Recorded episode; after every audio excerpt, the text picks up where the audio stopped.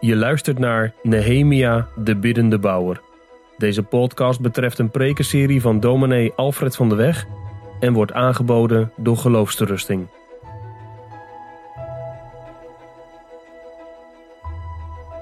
We zijn aangekomen met de prekenserie bij Nehemia 12. De vorige keer stonden we stil bij de bewoning van Jeruzalem.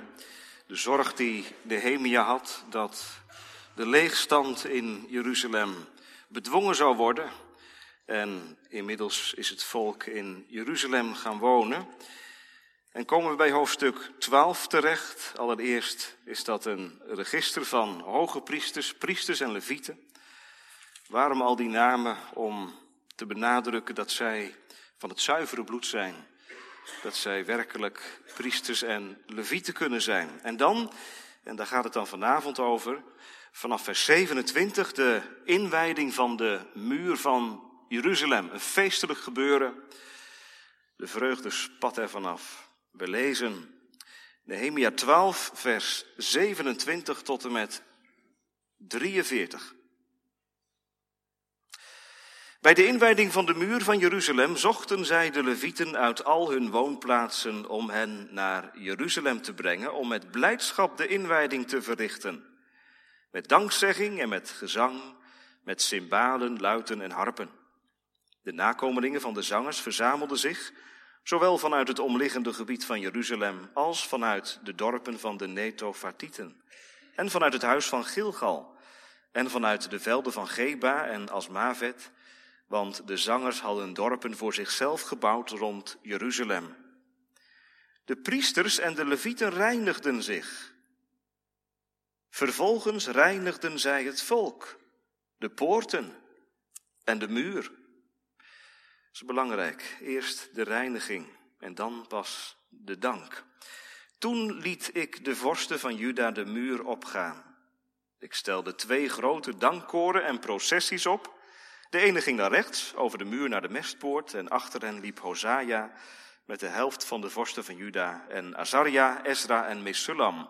Juda, Benjamin, Semaja en Jeremia, en van de nakomelingen van de priesters met trompetten, Zacharia, de zoon van Jonathan, de zoon van Semaja, de zoon van Matanja, de zoon van Michaja, de zoon van Zakur, de zoon van Asaf en zijn broeders Semaja en Azariel, Milalai, Gilalai, Maai, Netaniel en Juda en Hanani met muziekinstrumenten van David, de man Gods.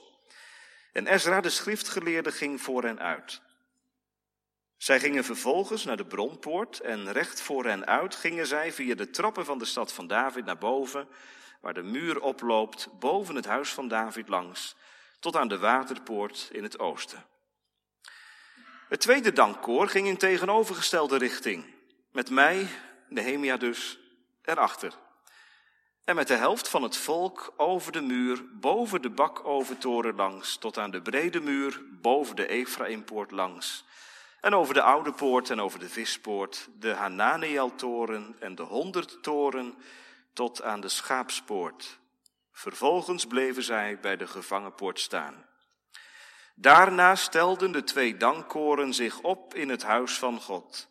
Ook ik en de helft van de machthebbers met mij, en de priesters Eliakim, Maaseia, Minjamin, Michaja, Eljoenai, Zacharia en Anania met trompetten, en Maaseia, Semaja, Eleazar, Uzzi, Johanan, Malchia, Elam en Ezer. Ook lieten de zangers zich horen en Jezraja de opzichter. Zij brachten op die dag grote offers en waren verblijd, want God had hen in grote mate verblijd. En ook de vrouwen en de kinderen waren verblijd, zodat de blijdschap van Jeruzalem van ver gehoord werd. En laten we die laatste versen erbij lezen. Ook werden op die dag mannen aangesteld over de kamers voor de voorraden, voor de hefoffers, voor de eerstelingen en voor de tienden om daarin de door de wet voorgeschreven delen van de opbrengst van de velden om de steden te verzamelen voor de priesters en de levieten. Want er was blijdschap in Juda over de priesters en de levieten die daar in dienst stonden. En hun taak ten behoeve van hun God en hun taak bij de reiniging vervulden, evenals de zangers en de poortwachters overeenkomstig het gebod van David, en Salomo zijn zoon. In de dagen van David en Asaf van oudsher waren er namelijk hoofden van de zangers en voor het loflied en de lofzangen voor God. Daarom gaf heel Israël in de dagen van Zerubabel en in de dagen van Nehemia de delen voor de zangers en de poortwachters, elke dag het voor die dag benodigde. En zij heiligden wat voor de levieten was. En de levieten heiligden wat voor de nakomelingen van Aaron was. Hier eindigt Nehemia 12.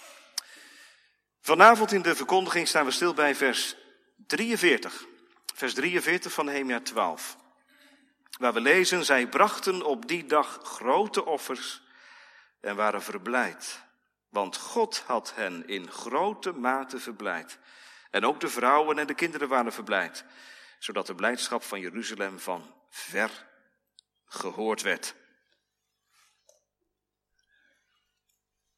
We zingen het antwoord op de verkondiging uit Psalm 4, het vierde vers. Gij hebt me in het hart meer vreugd gegeven dan andere smaken in een tijd als zij door aardsgeluk verheven bij koren en most wel lustig leven. Psalm 4, het vierde vers na het Amen. Boven de preek staat geschreven gemeente met recht dankdag. Met recht dankdag. En vanuit vers 43 zien we drie lijnen lopen. Allereerst met recht dankdag als wonder vanwege het verleden. Er ligt nogal een erfenis. In de tweede plaats als zegen in het heden, want het gebeurt op die dag. En tot slot als bemoediging voor de toekomst. Ja, het is maar één dag en het leven gaat door en verder. En hoe moet dat na zo'n hoogtepunt? Met recht dankdag, als wonder vanwege het verleden, als zegen in het heden, als bemoediging voor de toekomst. Allereerst dus als wonder vanwege het verleden. Gemeente, ik ben er niet bij geweest, maar velen van u wel. Toen hier de Victorkerk in gebruik werd genomen. En ik heb van velen gehoord dat dat een zeer feestelijk gebeuren was. En dat laat zich denken. Dat is een dag van grote vreugde. Je ziet uit naar een grote gebouw. En dan krijg je ook nog eens zo'n gebouw. Nou, wie zal dan niet vreugdevol gestemd zijn? Het was een feestelijke uh, dienst, een feestelijke samenkomst. Alles ter gelegenheid van de in gebruikname van de Victorkerk, een mijlpaal in de korte geschiedenis van deze gemeente.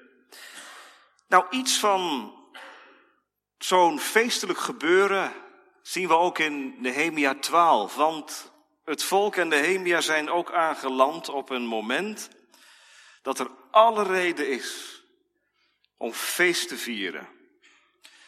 Om vreugde te bedrijven. En dan niet zomaar, maar echt voluit. En zoals dat in het Oude Testament, en zoals de Joden dat vandaag de dag nog kunnen, luid en duidelijk. Zonder gêne. De Heer gaf rijke juigenstof. We zongen het, Psalm 68. Om zijn wonderen en zijn lof met hart en mond, dat ook, niet alleen van binnen, maar ook met de mond te melden. En dat gebeurt in Nehemia 12. En gemeente, dat is een wonder, hè? We hebben in de achterliggende tijd met elkaar wat hoofdstukken van Nehemia doorgewandeld en gezien hoe Nehemia bijvoorbeeld moest dealen met de tegenstand van buiten. Sambalat en Tobia. Die mannen, die leiders van de volken rond Israël, die voortdurend op de loer lagen en daadwerkelijk ook verzet boden. Tegenstand van buiten. En dan ook nog eens, dat hebben we ook meegemaakt, innerlijke verdeeldheid van binnen.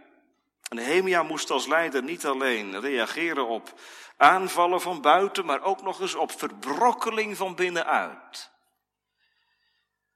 En wat te denken van de geestelijke moedeloosheid, die er ook geweest is. Bij Nehemia en bij anderen. Onderweg naar de herbouw van de stad en van de tempel en van de muur. Ik dacht in de voorbereiding, wat heeft Nehemia ondervonden de waarheid van Psalm 126? Met tranen zaaien. En nu met gejuich maaien. Het is een weg geweest van afzien, opzien, van zelfverloochening. En dan nu zijn ze eindelijk waar ze wezen moeten, de inwijding van de muur, het sluitstuk, het slotstuk van alles wat tot nu toe gedaan is. Even voor de duidelijkheid, gemeente, dit is geen feestje, geen plat feestje. Dit is een geestelijke vreugde en ik wijs daar nu maar vast op. Gevoed door God zelf. Kijk even mee in vers 43.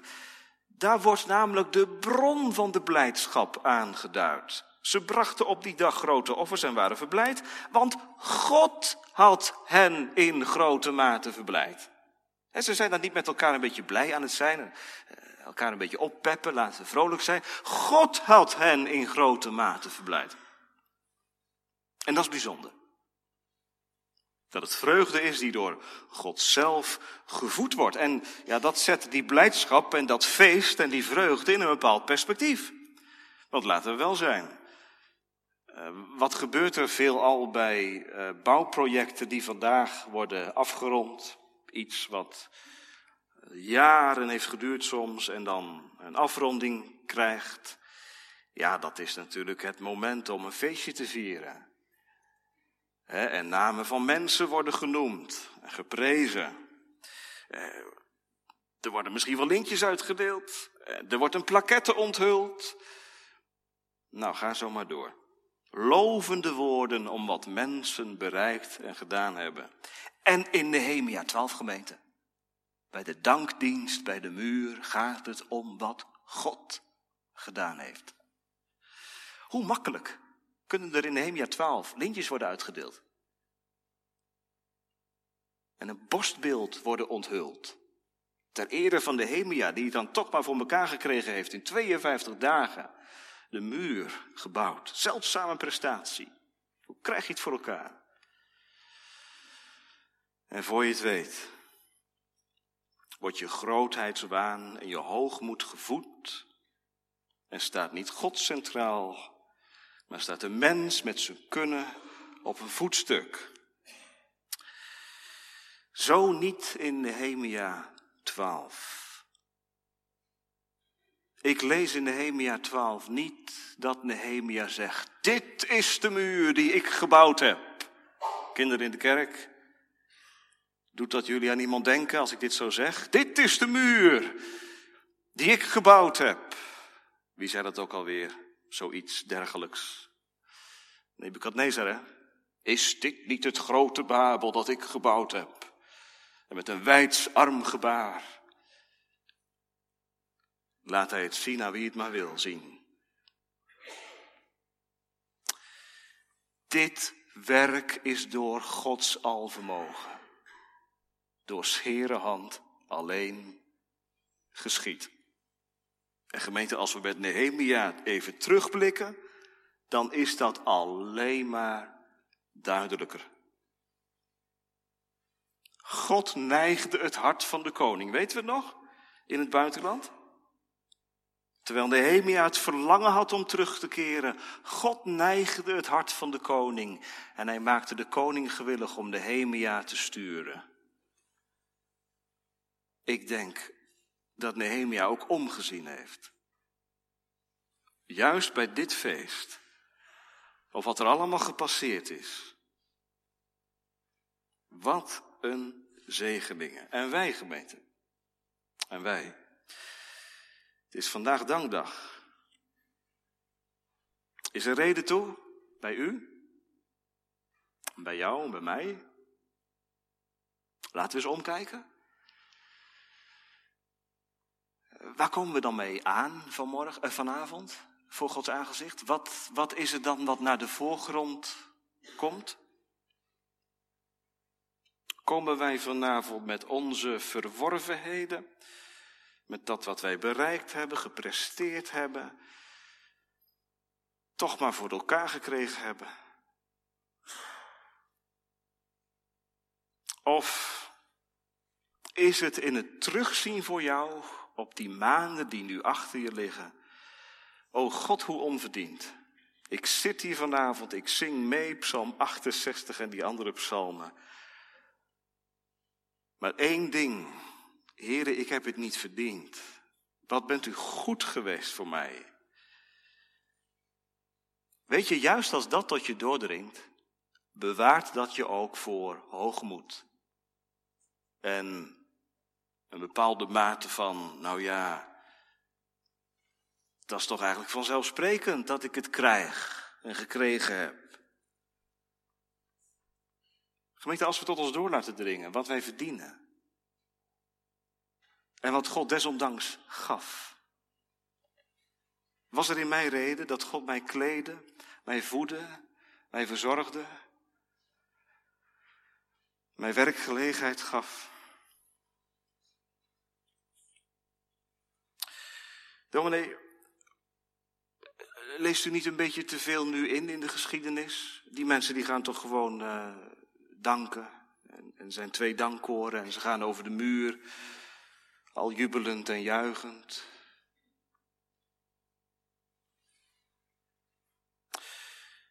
Ja, wacht even. Hoe gaat dat? Hoe begint dat feest? Weet u het?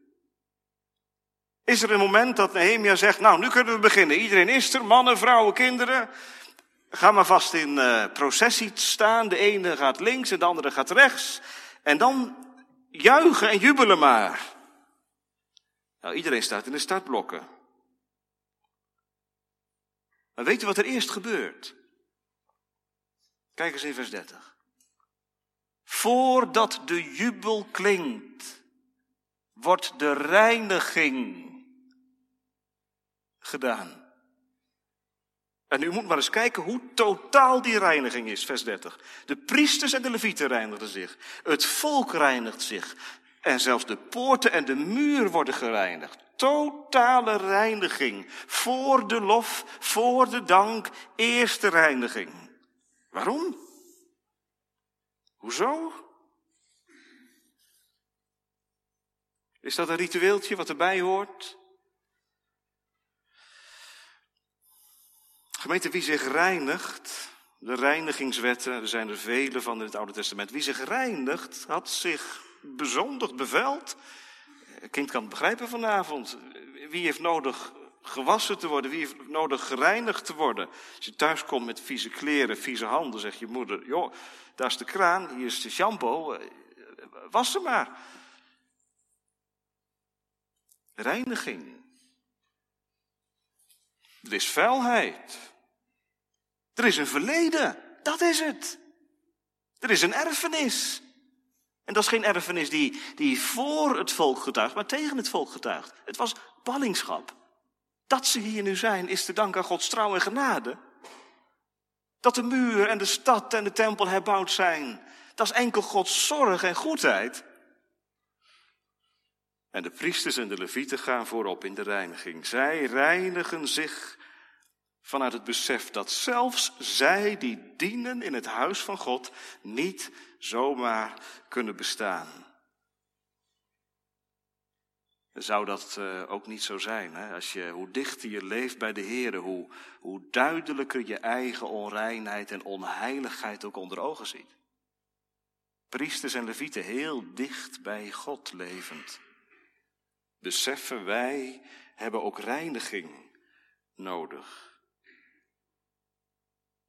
En wat de priesters en levieten doen, doet het volk ook. Iedereen die mee wil doen in de lof en de dank, die wordt gereinigd. Zelfs de muur, zelfs de poorten. Door onreine handen afgebroken. De vijand had Jeruzalem in puin laten verkeren. En het was door onreine handen weer opgebouwd. De poorten en de muur, waar straks het volk overloopt. Ze worden gereinigd. De zonde zit blijkbaar overal. Wat een duidelijke prediking, gemeente. Op dankdag. Wie kan bestaan voor God? Wie kan Hem naar waarde danken? Wie rein van hart is en wie zuiver van handen is. Bent u dat? Kijk eens naar je handen, naar je hart. Kun je God danken met een ongedeeld hart? Met zuivere gedachten, met zuivere verlangens, met zuivere handen. Of erken je vanavond ook inderdaad die reiniging, dat is niet zomaar iets wat erbij hoort, maar dat is, dat is bepalend voor de dank. Reiniging. O God, ik heb het bloed van Jezus Christus nodig. Die reiniging in het Oude Testament, die, die wijst ons heen naar Hem, die gekomen is. Het allervolmaakste reinigingsoffer, Jezus Christus. Gemeente, Nieuw Testament is gezegd, je kunt alleen maar danken. Vanuit de geloofsverbondenheid met Christus als Christus alleen je gerechtigheid is. Zoals het volk in het Oude Testament eerst zichzelf reinigde en daarna ging danken. Zo wordt vandaag nog steeds dank en lof geboren. Daar waar mensen heel diep beleiden en beseffen. Ik heb het niet verdiend wat God geeft. Weet je waar de mooiste bloemen groeien? De mooiste bloemen groeien niet hoog op de bergen, maar diep in de dalen. De dank wordt geboren in het dal. Het dal van de ootmoed. Zij brachten op die dag, vers 43, op die dag, de dag van de reiniging dus, niet de dag. En vul het vanavond maar even voor jezelf in. Dankdag is niet de dag van wat ik bereik en wat ik voor elkaar krijg en wat ik verdien. Zij brachten op die dag van de reiniging. Nou, is dit voor jou zo'n dankdag? Een dankdag na reiniging. Dan heb je wat te danken. heb je echt wat te danken. Dank u voor uw genade, heren. Want pas toen ik u leerde kennen, Heer Jezus Christus, en uw genade, ging ik beseffen hoe rechthebbend ik leefde. Pas toen ik u leerde kennen, Heer Jezus,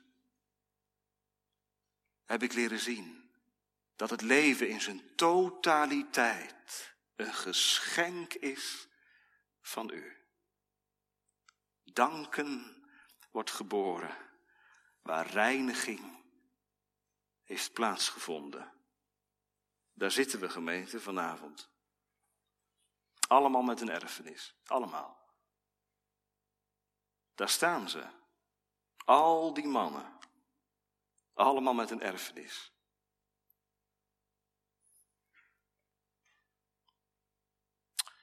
Hoe moeten ze danken? Gemeente, het gaat. En het gaat van harte naar de reiniging. Want die reiniging die, die tekent uit. Gods onbezweken trouw. Er is genade voor dit schuldige volk. Wat in ballingschap het oordeel van God moest ondergaan. God is genadig en barmhartig. Dankdag is een daggemeente van heilige verbazing. Herken je dat? Schenk van u. Ik dank u voor alles wat u geeft. Aan het kruishout verworven. Door u. Nou, gemeente, dat dank heeft dus echt wel een achtergrond. En dan, ja, dan gaat het beginnen. Onze tweede gedachte. Als zegen in het heden. Dan gebeurt het. Twee grote dankkoren. Nehemia um, gaat met de ene mee, Ezra met de andere. De een gaat linksom, de ander gaat rechtsom. En we hebben de route samen gelezen. De hele muur, en dat is, dat is heel wat geweest, die wordt bewandeld. Stap voor stap gaat ieder dankkoor in processie, in optocht naar links of naar rechts, de muur over. En wat een feest is dat geweest. We lezen van mensen die er lopen, we lezen van mensen die muziekinstrumenten bij zich hebben, cymbalen, harpen. Er wordt gezongen. Nou ja, we lezen in vers 43 aan het eind van de tekst dat de blijdschap van Jeruzalem van ver gehoord werd. Dat is er heel luid aan toegegaan. Wat een vrolijkheid. Weet je dat je haar struikelt over dat woord in vers 43? Vrolijkheid en verblijd. Moest kijken. Ze brachten op die dag grote offers en waren verblijd. Want God had in een grote mate verblijd. En ook de vrouwen en de kinderen waren verblijd. Zodat de blijdschap van Jeruzalem van ver gehoord werd. Het is een en al blijdschap. Blijdschap, blijdschap. Ik probeer me voor te stellen wat dat voor de Hemia geweest is. Hij is ook een keer op inspectietocht geweest hè, over dezezelfde muur. Toen was die muur nog helemaal vervallen. Nou, toen kwam die moedeloos terug, al, al wenend, al huilend. En nu, nu wandelt hij over die opgebouwde muur vol vreugde. En gaat in vervulling wat we samen gezongen hebben, Psalm 48. Tel de torens maar, kijk om je heen. Jeruzalem ligt daar als een stad te schitteren. Wat een vreugde. Al wandelend, al lopend over die muur, welt de blijdschap op. En weet je waar het naartoe gaat? Vond ik ook zo mooi. Kijk eens in vers 40. Waar eindigen ze? Daarna stelden de twee dankkoren zich op in het huis van God. Prachtig. Daar eindigen ze.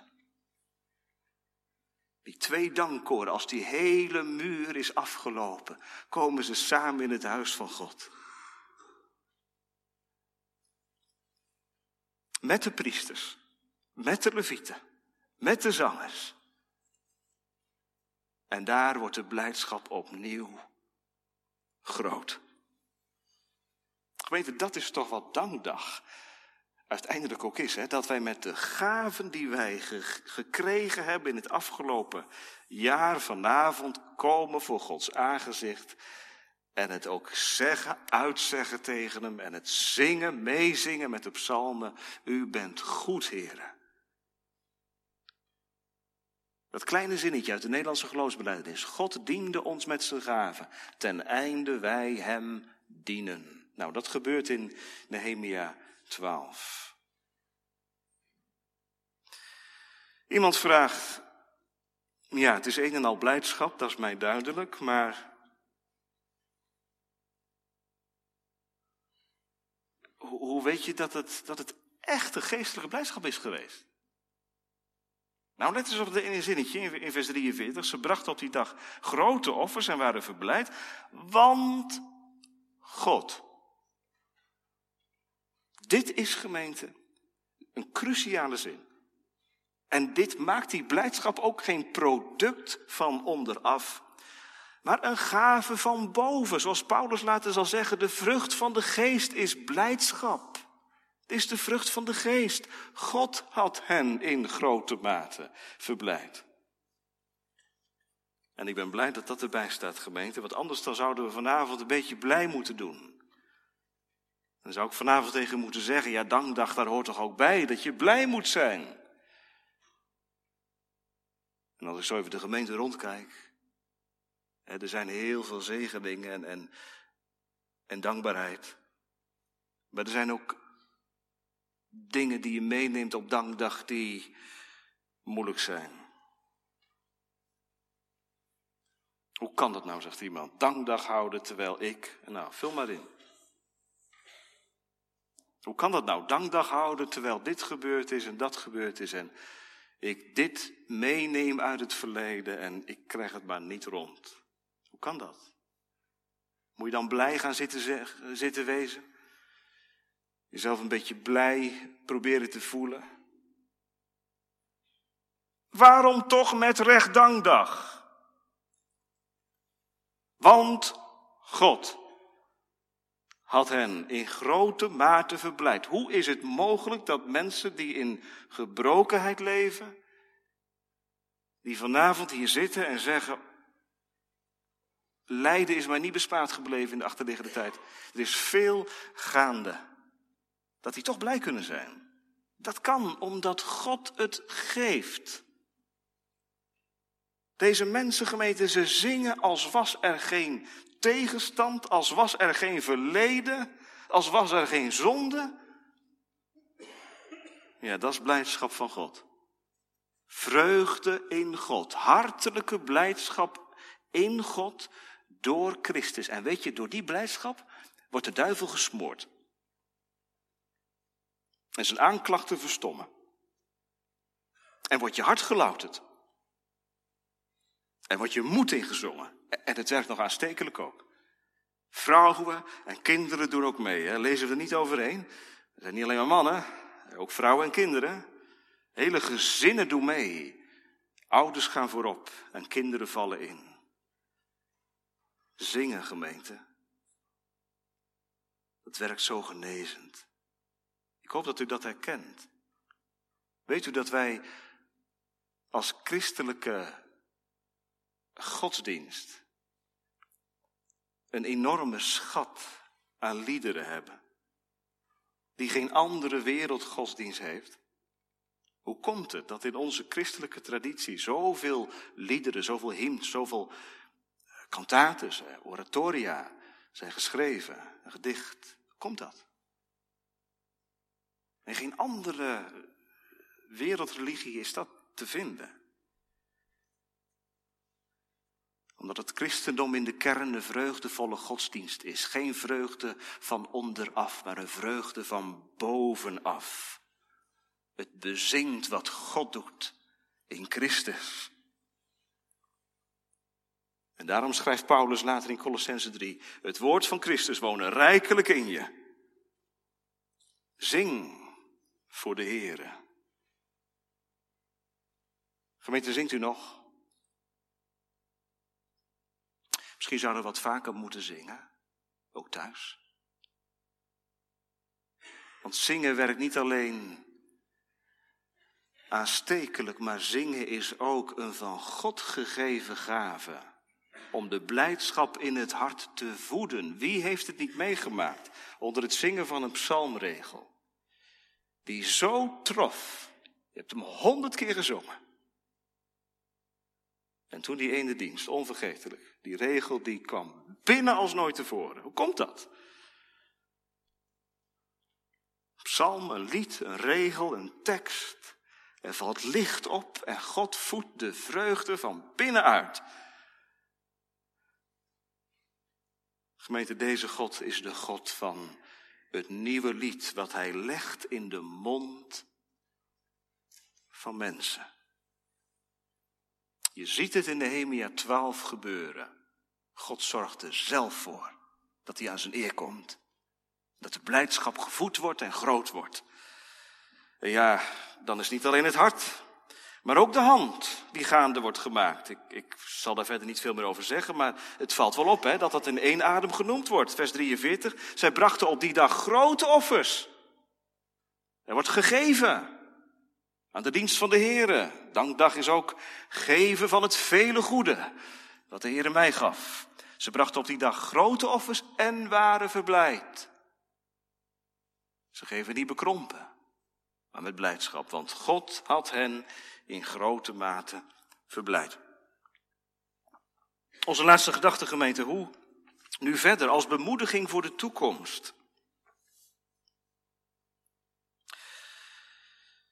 Want iemand in de gemeente die zegt, ik blijf maar haken, dominee, bij dat ene woordje, bij die paar woordjes, op die dag, op die dag. Zij brachten op die dag grote offers en waren verblijd. Dat is dus een bepaalde dag geweest in de geschiedenis, die ook weer voorbij is gegaan. De volgende dag was het weg.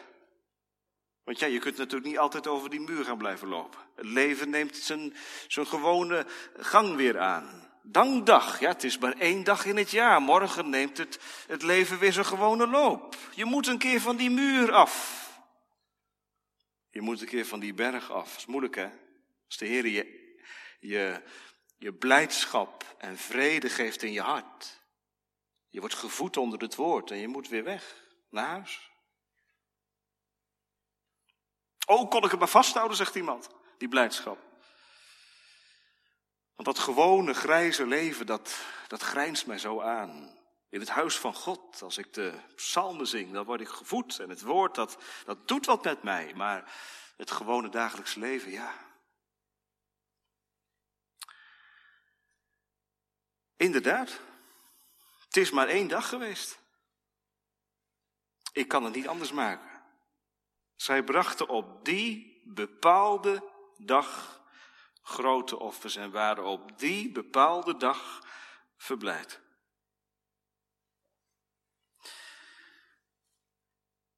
En gemeente, morgen is er weer een dag. En ik bedoel dat niet laconiek, maar ik bedoel dat op de manier van Psalm 4, die psalm die we straks gaan zingen. Mag ik even een uitstapje maken naar die psalm? David zegt, ik ga slapen, zonder zorgen. Wat? Jij slapen zonder zorgen? Heb je Psalm 4 wel eens gelezen? Wat er allemaal gaande is? Wat er allemaal in beweging is, wat er allemaal op hem aankomt en op hem afkomt, hoe onrustig het leven is. Van alle kanten wordt hij belaagd. En in die psalm zegt David, ik, ik ga slapen zonder zorgen. Hoe komt dat? Weet je wat het geheim is? U hebt vreugde in mijn hart gegeven. U hebt vreugde in mijn hart gegeven. Die vrede die David kent is een vrucht, is een gevolg van de vreugde in God. Daarom kan hij gaan slapen. Ik ga slapen, want God zorgt voor mij. Gemeente, ken je die vreugde? En dus ook die vrede die niet afhankelijk is van een bepaalde beleving, van een dankdag of zo, maar die verankerd ligt in de vrede met God. Zo'n blijdschap, gemeente, is geen blijdschap van het moment. Oh ja, het kan wel zo zijn dat de ervaring en dat je gevoel op een bepaald moment erg aanwezig is. En dat de rest van de dagen van de week die emotionele blijdschap wegebt. Maar er blijft iets achter. Wat dan? Nou, wat blijft er achter in Nehemia 12? Iemand zegt de muziek die sterft weg, dominee. En de lof die klimt op tot God, maar het neemt allemaal af. Jawel. Maar er is meer. De Heere is een vurige muur rondom hen. Het bereiken van de inwijding van de muur, deze gave van God, daarmee onderstreept de Heere, ik ben een vurige muur rondom jullie. Die 52 dagen die jullie erover gedaan hebben om de muur klaar te krijgen, het is een bewijs van mijn genade. Op mij kun je aan. Gemeente, is dat geen, geen prediking? Geen vertroostende prediking. Voor mensen die de blijdschap niet vast kunnen houden, die de dank niet vast kunnen houden. En die moeten leven van u alleen zult mij doen zeker wonen. Ik las ergens deze week, de lof van een kind, de blijdschap van een kind van God, heeft iets van advent in zich. Advent. Dat betekent dat het beste nog komt. Dat er iets uitstaat. Wat dan? Ononderbroken blijdschap, ononderbroken vreugde in God. Allen die God kennen in Jezus Christus, zullen die blijdschap en vreugde eens maken. Ongedeeld. Ja, maar zegt iemand, dat is voor de toekomst. Dat is ook zo. Maar weet je wat zo mooi is? Dat laatste stukje van Nehemia 12. Weet je waar, waar het daarover gaat? Weet je wat daar gebeurt? In de versen 44 tot en met 47. Nadat de lof en de muziek is weggeëpt. Weet je wat er gebeurt? Het dankambt wordt hersteld. U zegt wat? Nou, de naam van David, die wordt een paar keer genoemd. Er worden gaven gegeven op diezelfde dag om het ambt van zangers in stand te houden. Waarom gebeurt dat? Omdat die lof op God, die blijdschap, die vreugde niet alleen die dag geuit moet worden. Er wordt ingesteld, lees maar na in vers 44 en 45, dat de zangers onderhouden worden en dat ze het volk dagelijks moeten voorgaan in het bezingen van de lof op God. Gemeente, weet je dat de kerk daar een beetje bij helpt? Een beetje. Waarom klinken er klokken? Waarom is er muziek en waarom zingen wij de psalmen? En waarom gaat het woord open? Omdat God u niet over heeft voor eeuwige smart. Maar zo graag de eeuwige vreugde in je hart geeft. Het beginsel van de eeuwige vreugde. De kern ervan. Blijdschap in God vanwege Jezus Christus. Gemeente, deze blijdschap, ken je die blijdschap? Als je ergens dankdag voor mag houden, is het daarom. Als je deze blijdschap kent. Dat is een onderstroom die er bij tijden uitkomt, openbreekt, zoals een vulkaan, meeste tijds ondergronds borrelt, maar af en toe uitbreekt. Zoals met de vreugde in God ook. Het is een, een gedurige onderstroom van verbazing, van verwondering. Heren, ik ben zo slecht. U bent zo goed. Uw genade, uw verzoenend sterven, dat is het rustpunt van mijn hart. Dat schept blijdschap, dat schept verwachting. Ook als die dag, vers 43, voorbij gaat. Ook als deze dag wegsterft. En het gewone leven weer doorgaat. Pelgrimsgemeenten die gaan van kracht tot kracht voort. Hoe moet dat? Mag ik het zeggen met woorden van, van professor Gunning? Iedere dag lees ik een paar woorden van deze professor Gunning. En vanmorgen stond er in een boekje: Houd u mijn geheugen fris. Hij schrijft dat voor de kinderen van God op en voor zichzelf. Houd mijn geheugen fris, opdat ik uw weldaden niet vergeten. Gemeente, is dat niet de grootste reden van de vlakheid en de treurigheid die er ook in de kerk kan zijn? Omdat de weldaden vergeten worden. Waar dit, waar dit gedenken wel praktijk is, waar je door genade steeds weer terugkeert bij wat God in Christus heeft gedaan, dan zal de blijdschap evenredig toenemen. Echt waar. Kijk maar naar David. De omstandigheden veranderen niet. Maar God gaf hem vreugde in het hart. Meer dan al die mensen die het geweldig voor elkaar hebben. Maar God missen. Geen blijdschap in God kennen. Ik kan gaan slapen zonder zorgen, zegt David. Want de vrede van God, die alle verstand te boven gaat, die zal mij bewaren. Dankdag 2019, gemeente van Apeldoorn. Heb je deze blijdschap? Blijdschap vanwege Hem dan kan deze dag wegsterven. Komt er morgen een, een andere dag.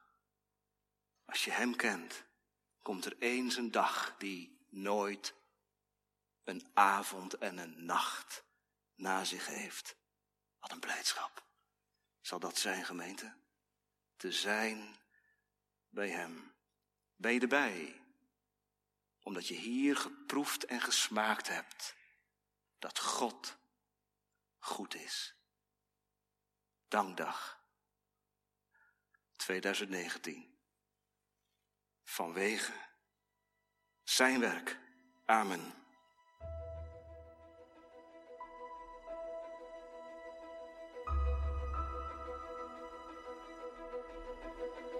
Je luisterde naar een podcast van Geloofsterusting. Wil je meer luisteren, lezen of bekijken? Steun dan onze missie en ga naar de website geloofsterusting.nl.